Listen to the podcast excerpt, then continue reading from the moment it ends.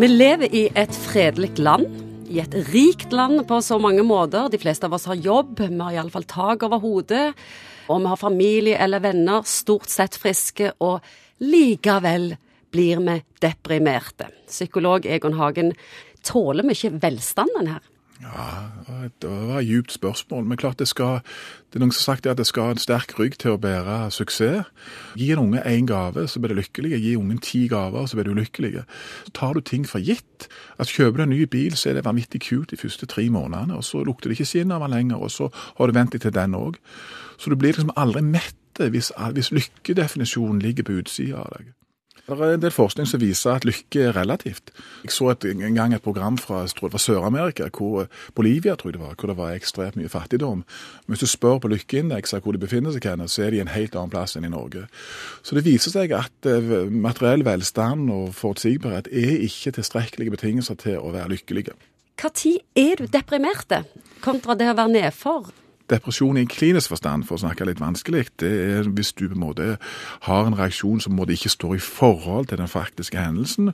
Det er vedvarende, og du får en veldig sterk innskrenking egentlig i livsutfoldelsen din. Du sover dårligere, du spiser dårligere, du trekker deg unna folk.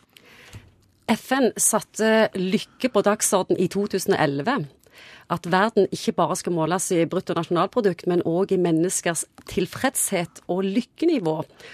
Og det ryster neppe folk at rike land er lykkeligere enn fattige. Er det ekstra vanskelig å være deprimert i verdens lykkeligste land? Ja, det er litt grann jeg tenker at med så mye BMW X5-er og Canada Goose-jakker og alt sånt Hvis du først detter ut forbi her, så er det på en måte ut i det brølende mørket. I hodet mitt så kaller jeg det litt ja. uhøytidelig for en snobbedepresjon. Ja. Når du har alt du trenger i hele verden, og likevel går vi hen og blir nedfor enda en dag med drittvær i Stavanger osv. Så, videre. så kan du prøve det. hvordan skal jeg tenke rundt denne dagen? Hvordan skal jeg styre tankene mine på en sånn måte at jeg i større grad legger merke til det vakre, at det nå er i ferd med belyst, ferd med å belyse ute. Og, og, jeg tror at lykken er en viljesak på mange måter. Det er en treningssak. På samme måte som vi trener oss for å holde oss i form på andre ting, så må vi òg liksom skjerpe egget litt på de styre disse tankene våre, sånn at vi får dem over i mer positive modusen.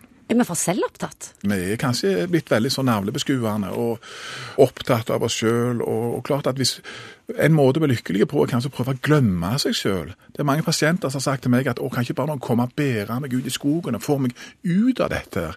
Jeg er så lei av å gå i min egen egosentrisitet og min egen sjøljabb, egentlig. Bare komme vekk fra seg sjøl lære deg å kanskje bruke litt kikkertsyn på de mulighetene for, som du har akkurat den dagen for å gjøre denne dagen spesiell. Og uten at dette blir sånn veldig amerikanisert og Karpe Diem-aktige. Men jeg tror vi kan bli bedre på å styre tankene. For du føler noe ikke fordi at en objektiv beskrivelse av virkeligheten, men du føler noe fordi at tankene dine leder deg i en viss, i en viss retning. Og når du knekker den koden og finner jeg kan faktisk bestemme meg noen ganger for å styre tankene mine sånn at jeg føler meg bedre, så er det et enormt sterkt våpen for og egentlig få bedre dager.